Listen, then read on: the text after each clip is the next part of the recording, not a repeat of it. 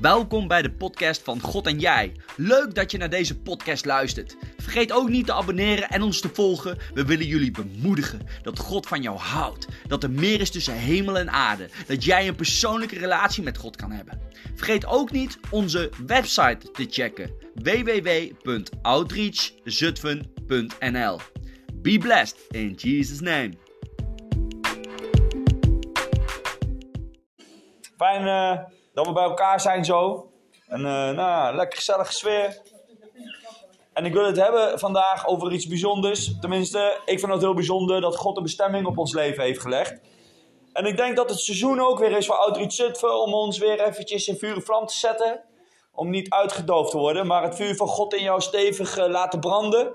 Zodat je ook, zoals Paulus ons dat zo mooi laat zien en inspireert in het woord.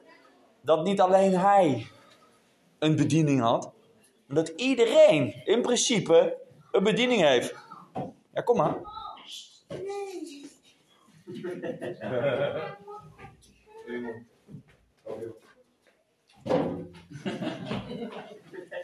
Zo. Nou, ik uh, klap de Bijbel open en ik wil uit Filippenzen hoofdstuk 3 lezen. En ik lees uit het boek. En dat is ook heel mooi. Dat hoofdstuk, hoofdstuk 3, zou je eigenlijk helemaal moeten lezen. Maar ja, ik wil te veel delen om dat helemaal te lezen. Dus ik pik er even een uh, tekst uit. Maar het hoofdstuk heet in het boek Het doel van Paulus. Nou, vandaag wil ik eens een keer weer met elkaar over nadenken. Hey, wat voor doel heeft God in, voor mij in mijn leven? Want hij heeft een doel voor jou, hè?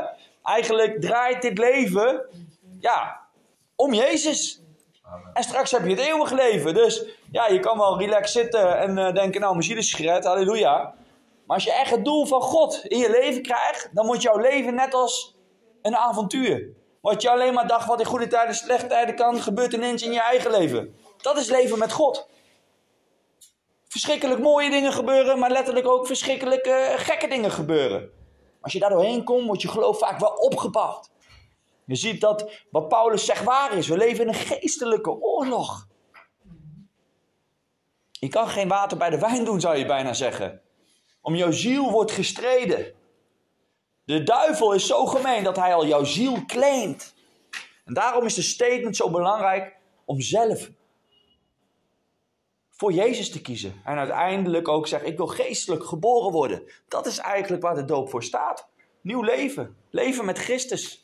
Sterven aan jezelf. Sterven onder dat water en als een nieuw levend schepsel omhoog komen. Bekleed met Christus, zegt de Bijbel. En dan staat er in Filippenzen hoofdstuk 3 vers 12 het volgende. Dan zegt Paulus iets heel, wat heel bekend is. Als ik het lees denk je, oh ja, dat staat dus daar in Filippenzen 3. Daarmee wil ik niet zeggen dat ik er al ben of dat ik al volmaakt ben, maar wel dat ik met dat doel voor ogen blijf doorgaan.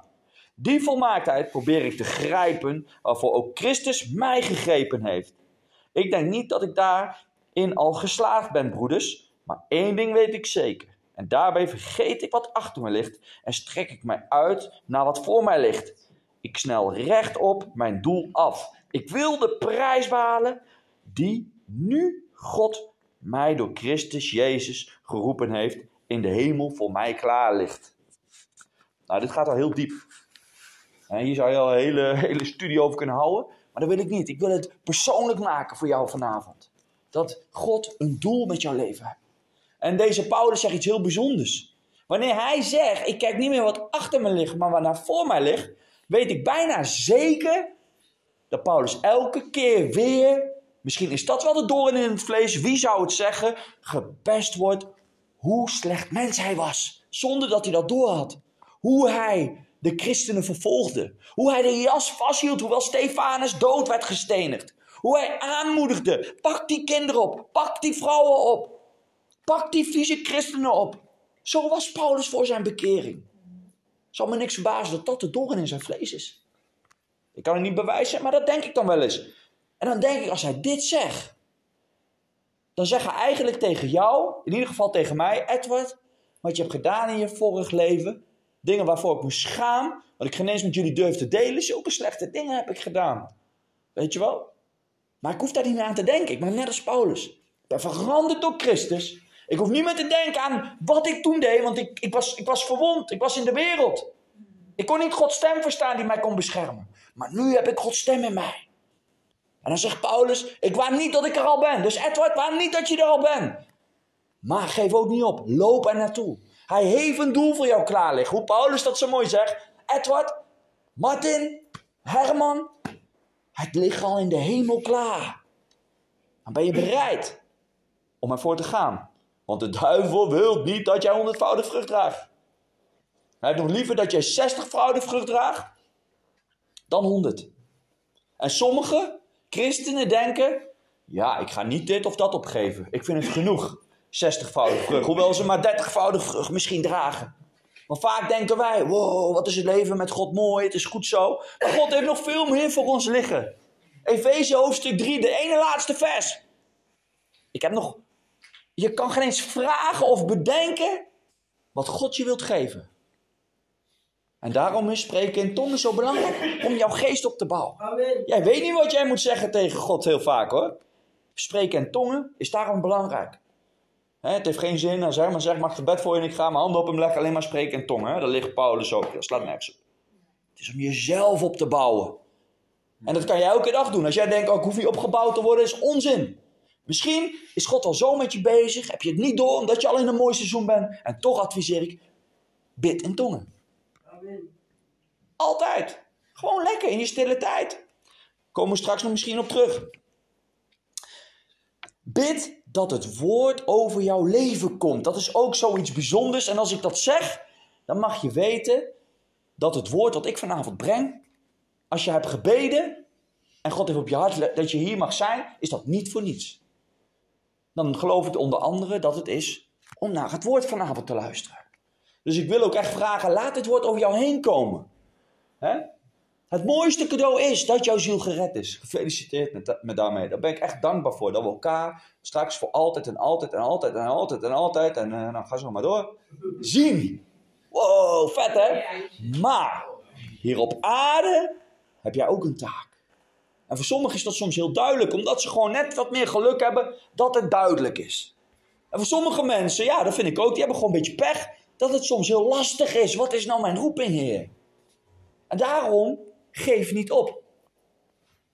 Maar je komt er nooit achter als je niet bidt, als je niet het woord van God over je neemt, als je niet bidt en smeekt. Misschien moet je soms eens een keer boos worden op God. Misschien wil God dat wel. En misschien klinkt dat gek. Maar God wil een relatie met jou. Hij wil dat jij eerlijk bent en je emoties laat zien.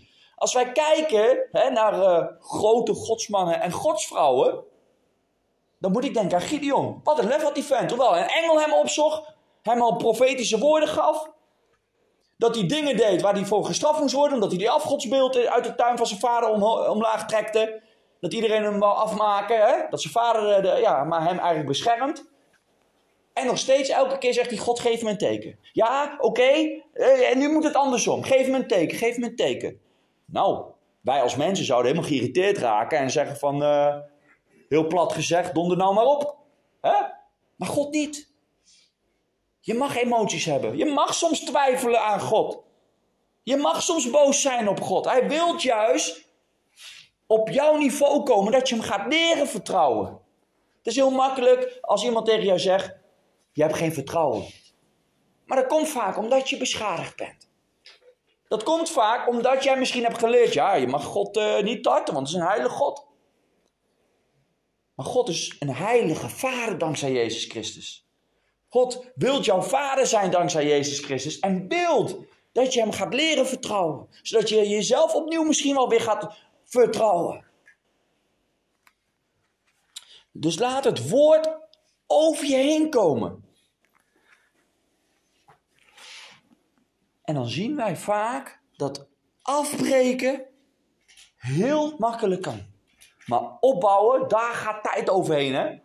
Ik weet nog dat er een harde wind was, al mijn schuttingen waren plat. Bam! Dat is een duur grapje. Ja, ja, nou ja, ik ben maar een, eh, een evangelist. Ik heb eh, niet geld voor een goede schutting. Dus uh, nou, proberen met de verzekering en zo. Nou, dat, dat, ik wel iets voor terug, maar ook niet genoeg. Dan moest ik mensen zoeken, want ik heb twee linkerhanden. Ik kan dat zelf niet maken, ook nog dat is dat. Bijna een half jaar zonder schutting in mijn tuin. En ik heb een hoekhuis, dus het zag er niet uit. Uiteindelijk is het goed gekomen. Maar ook dat opbouwen, dat duurde een hele week voordat die gasten klaar waren, ook al waren ze met z'n tweeën. Maar zo is het ook geestelijk. Daarom is het belangrijk dat je jezelf vult met het woord van God. Dat je die relatie hebt. Als je alleen maar preken gaat luisteren van Pietje, Klaasje, alleen maar boeken gaat lezen van Pietje en Klaasje, dan lees je en dan hoor je hoe hun God beleven. Hoe God door hun leven werkt. En dan weet je nog geen eens of het wel altijd waar is, hè? Sommige mensen doen, uh, gewoon, ja, willen gewoon beroemd en rijk worden. Dat weet je niet. Je kent het hart van een mens niet. Alleen God kent dat. Daarom is het belangrijk om jezelf op te bouwen. En God heeft geen tijd, dus soms duren dingen veel langer als dat je zou willen. Dat zien we ook met voorbeelden in de wereld. Hoe een kind opgroeit, hè? Een baby kan nog niet praten, niks. Je moet dingen leren. Hetzelfde met sporten. Ik ken jongens die beginnen heel fanatiek. En die zeggen bij de derde les, hoe lang duurt het voor ik een wedstrijd kan doen? Dan zeg ik, ligt aan jezelf. Vaak duurt dat een jaar. Ligt eraan hoeveel talent je hebt. Ligt eraan hoe lang je het doet. En dan zijn ze drie maanden zo goed bezig. Je ziet ze groeien en alles. En het gaat niet te snel, ze stoppen. Ze stoppen. Vandaar het spreekwoord. Hardlopers zijn vaak doodlopers. Dat is echt zo. Maar mensen serieus zijn. Rustig beginnen. Rustig opbouwen. Gaan ze ineens ontdekken. Hé, hey, het is niet alleen sporten. Het is ook op tijd naar bed gaan. Stoppen met alcohol. Gezond eten. Er komt veel meer bij kijken. Maar zo is het ook met het geloof. Als je net verliefd bent op Jezus. Ja, dan wil je alles geloven. Als iemand al zegt, oh ik ben ook christen. Dan wil je met die persoon optrekken. Ook al is het eigenlijk, hè. Ik herken dat. En dat is mooi, dat is de jeugdige in ons. Maar als je volwassen wordt, dan ga je er ineens achter komen. Waarom zijn er zoveel kerken met verschillende denominaties? En dat komt vaak allemaal uit pijn. Dat komt vaak allemaal omdat mensen iets voor ogen hebben. En ze raken gekwetst. Ze zijn niet eens met een visie. En ze gaan ruzie met elkaar maken. En zetten een andere kerk op. En die noemen ze dan. Uh, ik ga natuurlijk niet een denominatie noemen, want dat wil ik gewoon niet. Maar dat noemen ze dan zo. En dat noemen ze dan zo. Ondertussen hebben wij in het christendom ontelbaar veel denominaties. Vast denominaties waar jij nooit van hebt gehoord. Nou is er weer een nieuwe denominatie uit. NAR. New Apostolic Reformation, als ik het goed zeg. Er komen steeds nieuwe namen. Steeds nieuwe details. En dat is heel triest. En dat geldt ook voor jou in jouw leven. En voor mij in mijn leven.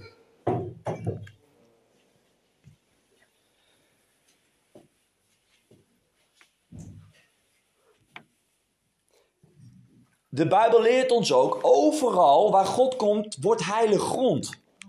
En nou vind ik het zo bijzonder dat wij als christenen, onder leiding van de Heilige Geest, soms kunnen meemaken dat we op heilige grond staan. Ik wil met jullie een, uh, een uh, voorbeeld lezen uit jo Joshua, hoofdstuk 5, vers 15.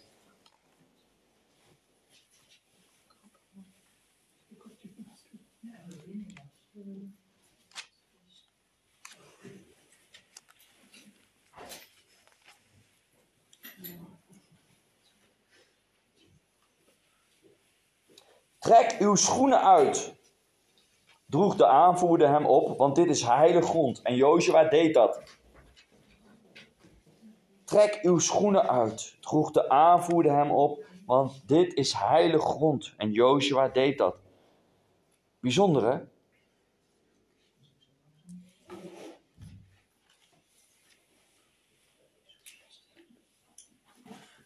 Ik denk dat het een engel was want als we de context lezen vanaf vers 13, vanaf vers 11 en 12, dan lezen we: De dag na het Passa aten zij van de opbrengst van het land ongezuurd brood en geroosterd koren. De volgende dag viel er geen manna meer. De tijd van het manna was voor de Israëlieten voorbij. Vanaf dat ogenblik leefden zij van de opbrengst van het land Canaan. Terwijl Jozua erover nadacht hoe hij de stad Jericho zou innemen, zag hij een man met een getrokken zwaard.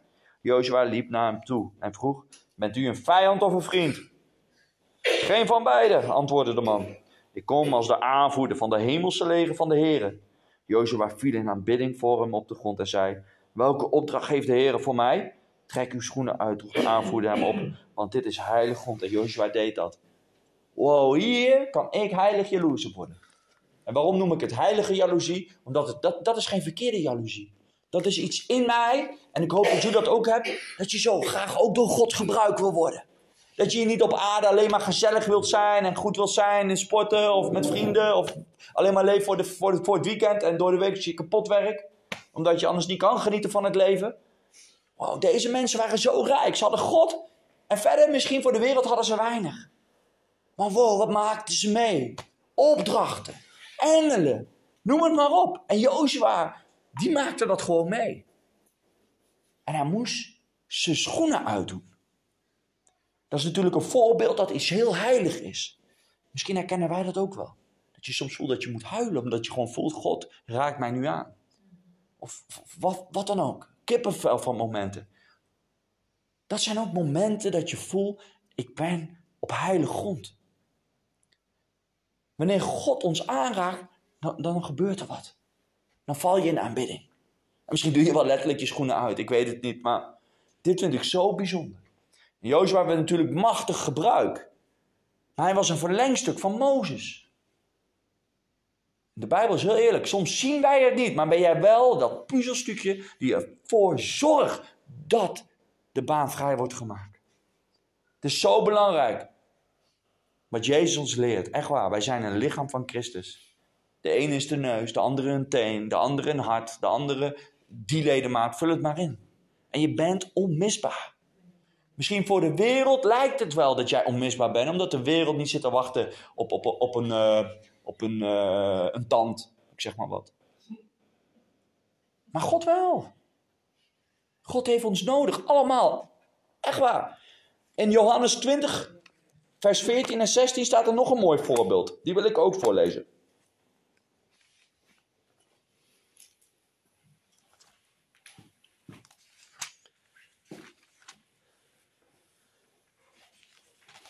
Johannes 20, vers 16. Maria zei, Jezus. Zij keek hem aan. Meester, riep zij uit. Wow. Raak mij niet aan, zei Jezus, want ik ben nog niet teruggekeerd naar mijn vader. Ga naar mijn broeders en vertel hun dat ik terug ga naar mijn vader, die ook jullie vader is. Naar mijn God, die ook jullie God is. Dat gebeurt wanneer Jezus is opgestaan. Hè? Gaan we iets teruglezen vanaf vers 14. Vanaf vers 13. Waarom huilt u? vroegen zij haar. Ze hebben mijn Heer weggenomen, antwoordde Maria, en ik weet niet waar hij is. Zij keek achterom en daar stond Jezus. Maar zij herkende hem niet. Zij dacht dat het de tuinman was. Waarom huilt u? vroeg Jezus. Wie zoekt u? Och Heer, als je hem ergens anders hebt neergelegd, zeg het alsjeblieft. Dat neem ik er mee, zei zij. Maria, zei Jezus. Ze keek hem aan. Meester, riep zij uit. Soms zitten wij zo in de pinaria. Soms zit jij zo, wat ik net al zei. God, waar bent u? Ben je boos? Weet ik het. Deze Maria was zo verdrietig dat ze niet zag dat God achter haar stond. De zoon van God. Ze was verblind door verdriet. Misschien ben jij wel verblind. Waar is mijn doel? Door verdriet. Door depressie. Oh, dat dat gebeurt. Dat is een seizoen. Maar God is er. En ik moet zo denken wanneer Jezus daar staat en ze denkt dat het gewoon een tuinman is. Maar wanneer Jezus haar naam roept, reageert ze. En ze herkent hem. Jezus zegt toch, wie mijn schaap is, zal mijn stem herkennen. Herkennen wij zijn stem? Dat is een sleutel om ook te ontdekken waar je voor geroepen bent. Ik wil iedereen triggeren, want ik kan begrijpen door de hectiek, door wat er moet, door waar je vandaan komt, door je zelfbeeld, wat je hebt meegemaakt. Zoveel dingen die jou kapot hebben geprobeerd te maken. Nog sterker, die niet jou kapot hebben geprobeerd te maken, die de werk die God al klaar heeft liggen in de hemel kapot heeft willen maken. En misschien is dat wel bij sommigen vanavond hier. En laten we dan vandaag dan ook doorbreken, want jij bent geen vergissing. God houdt van jou. En iedereen heeft moeilijkheden in het leven. Maar als jij op God vertrouwt, dan ga je zijn stem weer herkennen. Dan ga je een opdracht krijgen zoals Jezus de opdracht gaf. Niet aan een man. Want die waren, die, die, die waren niet na het graf. Hè? Die dachten gewoon hij is dood. Alleen Johannes was komen opdagen. De rest was allemaal stiekem aan het kijken of geen eens komen opdagen, want ze waren bang.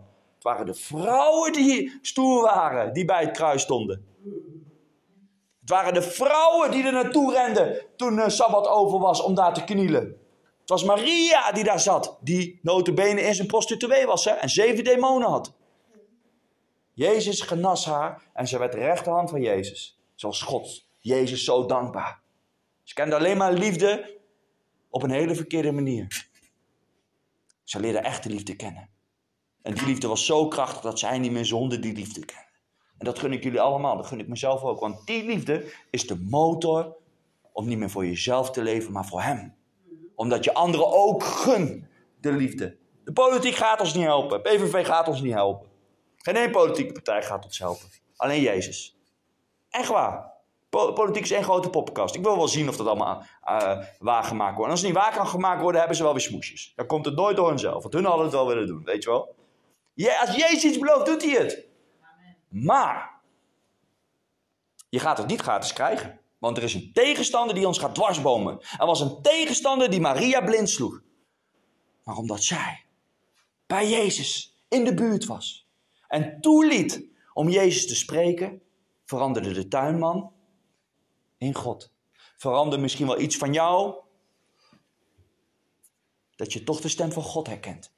En ik bid ook op dit moment, als God zich al heeft laten horen, maar je hebt het niet gehoord, omdat je hebt geïdentificeerd met iets anders, dat je vannacht droom mag krijgen.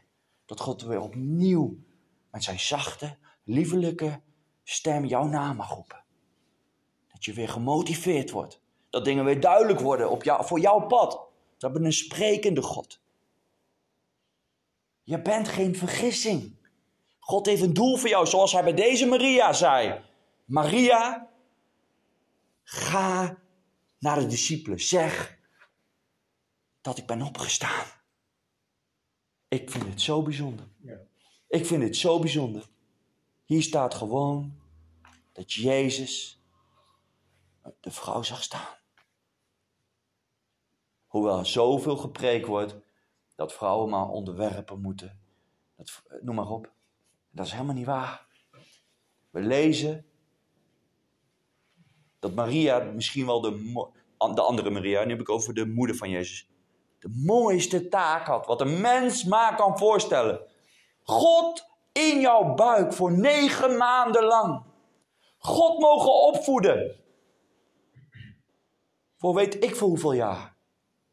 Dat was Maria's opdracht. En dan worden sommige denominaties de war gemaakt dat Maria dan ook een God is. Nee, Maria was een heilige net als jou en mij. Maar zij was zo betrouwbaar voor God dat zij misschien wel de mooiste bediening heeft gehad die een mens had kunnen wensen. Welke vrouw zou niet de moeder willen zijn van Jezus? Toch? Wow. En Maria was de uitverkorene. Maar wij mogen allemaal zwanger zijn. Zwanger zijn met een opdracht van God. Allemaal mogen wij zwanger zijn met een missie te leven van God.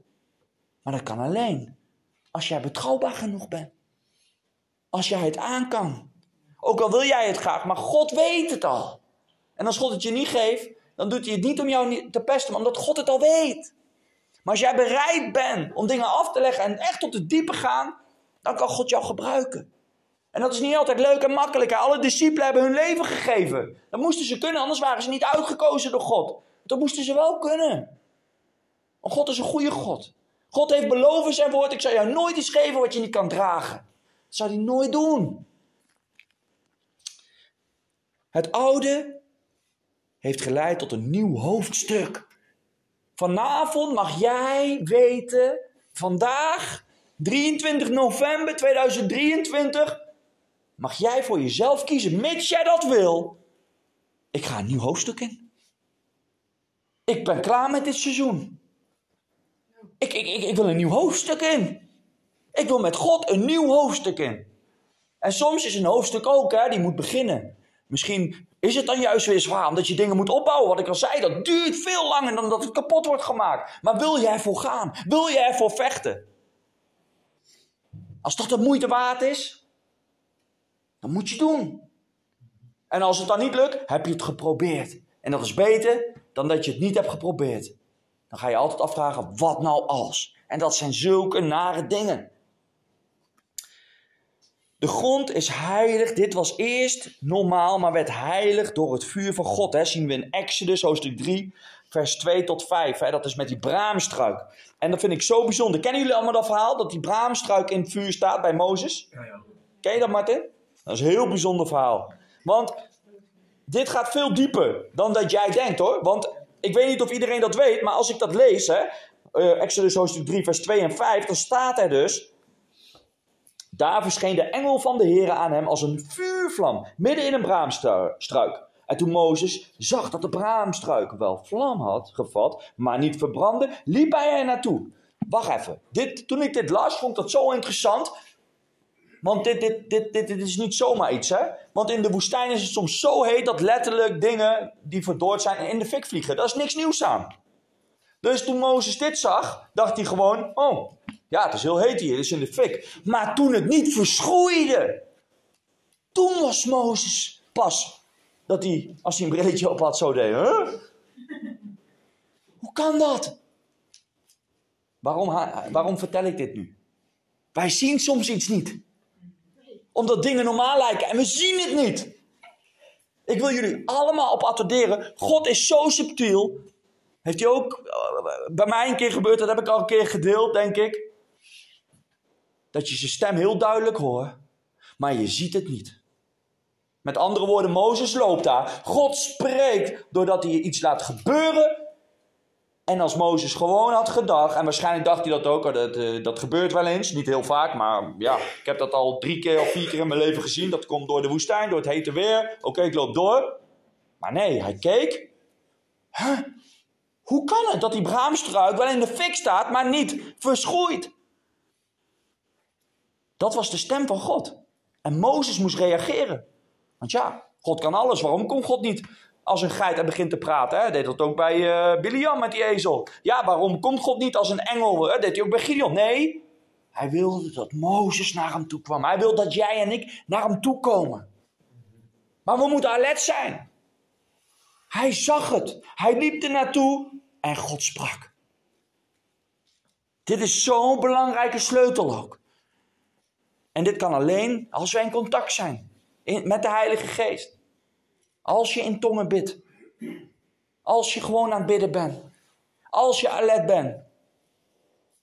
Vandaag was ik op de markt, zag ik een, een zwerver. En ik had een kaasstengel gehaald bij uh, bakkerij Stoepje, want daar heb je drie voor een euro. En bij de HEMA 1,75 één kaasstengel. Ik ga naar de markt, ik haal mooi drie kaasstengels, huppa. Ik zie een zwerver. Ja, nou ja, geld heb ik niet. Hier, een kaasstengel. Ik loop de Intertoys met Jessica binnen. Ik kom uit de Intertoy, zie ik dat die zwerven zijn kaastengel aan delen is met zo'n corgihond. Weet je wel? Ja, precies. Met, met zijn hond, een corgi. Nou, daar ging een andere kaastengel. Ik zei, hier meneer, ja, kon die die zelf opeten of ook nog delen met zijn hond, dat weet ik niet, maar... Ik was God wel dankbaar. Wat heb ik er zelf aan? Ja, één kaastengel in plaats van drie. nee, flauw grapje. Nee, maar wat heb ik er zelf aan? Werelds gezien heb ik er niks aan. Heb ik gewoon een, een goede daad gedaan. En nou ja, fijn. Hè, had ik ook vast wel gedaan als ik God niet kende. Je helpt elkaar gewoon, zo ben ik opgevoed. Maar ik zag Gods stem daarin. Ik mocht een verlengstuk zijn van God. Voor God was dat denk ik zo belangrijk. Dat ik een zwerver zie staan. Dat ik hem een kaastengel geef. En waarom ga ik even de intertoys in? Kom ik naar buiten, zie ik toevallig een stuk verder hem naast zijn hond staan dat geven. Ik geloof dat ik Gods stem herkende en dacht, ik moet hem nog een kaasstengel geven. Snap je wat ik zeg? Dat lijkt heel klein voor ons mensen, zulke dingen. Maar bij God zijn dat hele belangrijke dingen. Om om te kijken. En ik geloof echt vandaag dat God mij dat liet zien. Dat ik hem niet alleen een kaasstengel gaf, want ik kon niet weten dat hij dat deelde met de hond. Want daar, toen ik hem daar zag, had hij helemaal geen hond bij zich.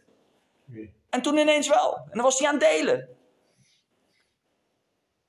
Soms zijn wij zo egoïstisch dat we altijd denken: als God spreekt, dan is dat voor mij. Vaak als God spreekt, doet hij het om jou tot zegen maken voor een ander. En daarom is dat oogsten en zaaien zo'n belangrijk principe. Want ondertussen is God vaak ook bezig dat andere mensen jou zien staan, jou gaan helpen. Zo mooi als kerken samenwerken, maar als spreken bij Muji in de kerk, in de kerk. En nou is zij hier en is zij heerlijk ons aan het dienen met worship. En wat was het mooi ook. Ik ben daar God dankbaar voor. En Jeff en Benjamin. Maar zo hoort het lichaam van Christus te functioneren. En dan word je een rijke mens. Joshua die diende ook het hele volk. En het hele volk was een navolk. En daarvoor Mozes. Hè? We weten het allemaal. God wil door ons heen werken. Maar zien wij ook de braamstruik. Oké, staat er vuur, gebeurt bijna nooit, maar gebeurt wel eens. Maar kijken we dan en zien we dat bijzondere. Waardoor we er naartoe worden getrokken en begrijpen wat we mogen doen. Dat is de missie die God op jouw leven heeft, op mijn leven heeft. Ik wil bijna gaan afsluiten. Voordat ik dat wil doen, wil ik bepaalde dingen zeggen. En ik hoop dat het je mag raken. David was maar een herder. Hij werd koning. Er zat helemaal geen koninklijk bloed in zijn lijn. Hij was maar een herdertje. Maar God zag de potentie in hem en zorgde er toch voor dat hij koning werd. Onmogelijk. Misschien zitten hier ook wel mensen die nog onmogelijke dingen gaan doen. Omdat God jou ziet staan. Je hoeft helemaal niks te doen. Alleen ja zeggen als het organisch gaat en op je pad komt. En je moet het zien. Maria, hè, wat ik al zei, werd de moeder van de zoon van God. Gewoon een, vrouw. Niks bijzonder aan haar. Ze was niet rijk. Ze, ze, het was gewoon een meisje. Maar ze was rijk van God. God vond haar zo betrouwbaar dat zij de grootste schat die ooit geleefd heeft, mocht, mocht, mocht hebben in haar buik. En daar komt de bekende rapper binnen, Pjotte. Yo. en zie je, Pjotte, jij verwacht ooit dat jij zo beroemd zou worden met rappen? Ja, toevallig gaat de preek over dat mensen soms niet verwachten. Maar als je vol bent van God, kom je op de plek waar je moet zijn. Ik weet nog, hè, gewoon zo tussendoor. Misschien weet Piotr dat niet meer, maar ik weet nog, toen ik nog werken was bij Compassie. Hij had net talentenjaar gewonnen. En toen mocht ik met hem bidden. En toen zei ik ook, jongen, je gaat beroemd worden. En het gaat niet om mij, maar ik ben wel dankbaar dat ik het durfde uit te spreken. Weet je dat nog, Piotr? Ja, absoluut. Ja, ja. En dat was nog, ja, oké, je had talentenshow gewonnen, maar verder, weet ik niet. Maar ik had ook kunnen denken, dat zeg ik niet. Weet je wel? En dat kunnen wij allemaal hoor. Alleen je moet het lef hebben om dingen uit te spreken. Weet je? En Piot heeft ons gebed ook nodig. Want hij komt er gewoon voor uit. En midden in de wereld, juist daar waar ja, gangster rappers en weet ik het. Misschien gaat hij daar ook wel mee uh, rappen af en toe. Maar hij, ze weten allemaal dat hij wel in Jezus gelooft. En dat is al een getuigenis op zich. Maar Piotr is net zo normaal als jou en mij. Maar als wij ook voor God gaan, gaat Hij jou precies gebruiken waar je gebruikt voor kan worden. Maar je moet wel lef hebben om uit te stappen, uit je comfortzone te komen. Petrus werd geboren als een visser. Gewoon een visser was hij. Hij, hij kon geen eens lezen. Maar uiteindelijk, ondanks hij het misschien werelds gezien niet waard was en Jezus belogende, zei Jezus toch tot driemaal, hou jij van mij? En uiteindelijk werd hij de rots, werd hij de Petra. Hij was eerst Simon. Zijn naam werd veranderd.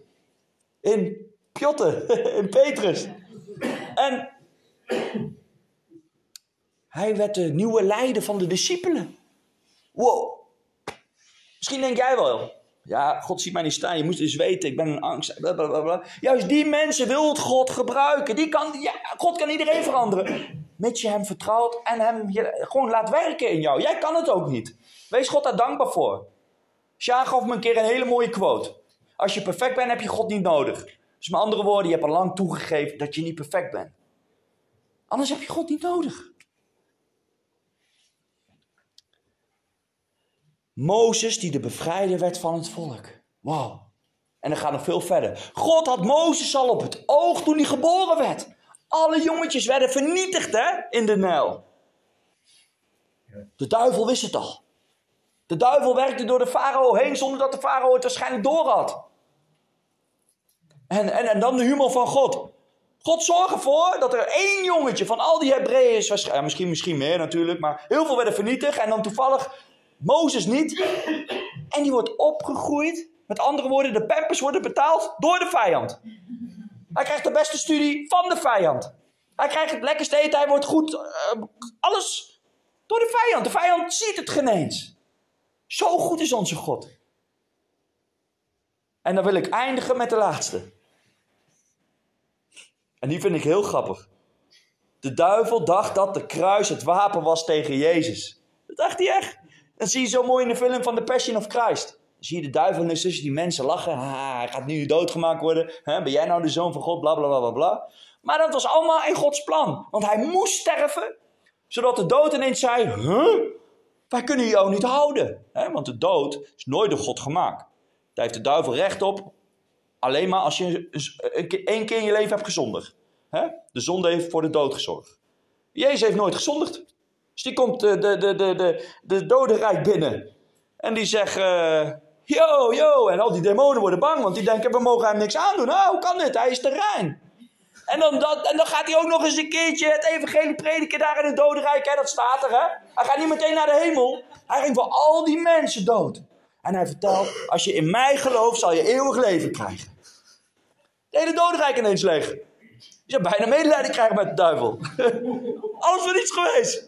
Vandaar dat hij zo uh, de aarde leeft. Hij heeft natuurlijk veel, veel zieltjes verloren destijds. En dan gaat hij altijd mee door, precies. En dan uiteindelijk zegt Jezus, hé, hey, dacht je nou da daadwerkelijk dat het kruis mij zou, zou kunnen vermoorden? En dan zegt de duivel, ja, dat dacht ik echt. En Jezus lacht hem gewoon uit in het gezicht. En een hele rij van die gasten die dus dood waren gegaan, die lopen gewoon met hem mee. En zeggen, hij bent nu voor mij gekozen, no way. En lopen gewoon door. Weet je wat Jezus deed? Hij spuugde met heilig vuur. De heilige geest. Daarom kon niemand van hem winnen. Elke keer als de fariseeërs hem wilden pakken, sprak hij het woord van God. Sprak hij met een tweesnijdig zwaard. Dat is daarom zo krachtig. De duivel probeert jou en mij zo vaak klem te krijgen. En soms lukt het hem, omdat wij niet als Jezus zijn. Wij, wij, wij, wij willen dat. En dat is een heel goed streven. Maar Jezus was perfect. Hij was al geboren door de Heilige Geest. Hij was rein, hij zondigde nooit. Daarom is het ook belangrijk voor ons om de keuze te maken voor Jezus. Maar eigenlijk elk moment zeggen: Jezus, ik wil rein en goed leven. Jezus, ik heb gezondigd, vergeef me daarvoor. En dan vergeeft hij je voor, want hij ziet jouw hart. Want we zijn maar mensen. Zoveel mensen hebben allemaal gezondigd die ik heb opgenoemd. David heeft gewoon gezondigd. Ging vreemd met een vrouw, als koning. Volop in de bediening. Misschien heeft Maria ook nooit gezondigd. Dat was wel gewoon hè? Ja, weer een vrouw die zo zuiver was en goed was. Heilige maagd. Wat zei je? Heilige maagd. Dat weet ik niet. Maar ze was wel maagd toen Maria in haar kwam. Dat geloof ik zeker. Anders had ze er nooit gekregen. Wat zei ik dan? Maria. Oh ja, dankjewel. Goed dat jullie opletten. Heel goed. Strikvraag. Nee, nee, nee. Dankjewel. En dan hebben we Petrus die zelfs zei, Jezus, ik zal met u sterven. En dat helemaal niet deed. Toch zag God de potentie. Ik denk wel eens, soms moeten wij zo'n fout maken. Dat we zo hebben gebaald van die fout dat we het nooit meer doen. En dat, God dat mensen je misschien dat helemaal niet begrijpen. Maar dat God dat gebruikt zodat je zag dat je niet perfect bent. En dat hij je daarom beter kan gebruiken. Dus wees ook niet te streng voor jezelf. Mozes was een moordenaar, hè? Mozes heeft gewoon een Egyptenaar doodgeslagen.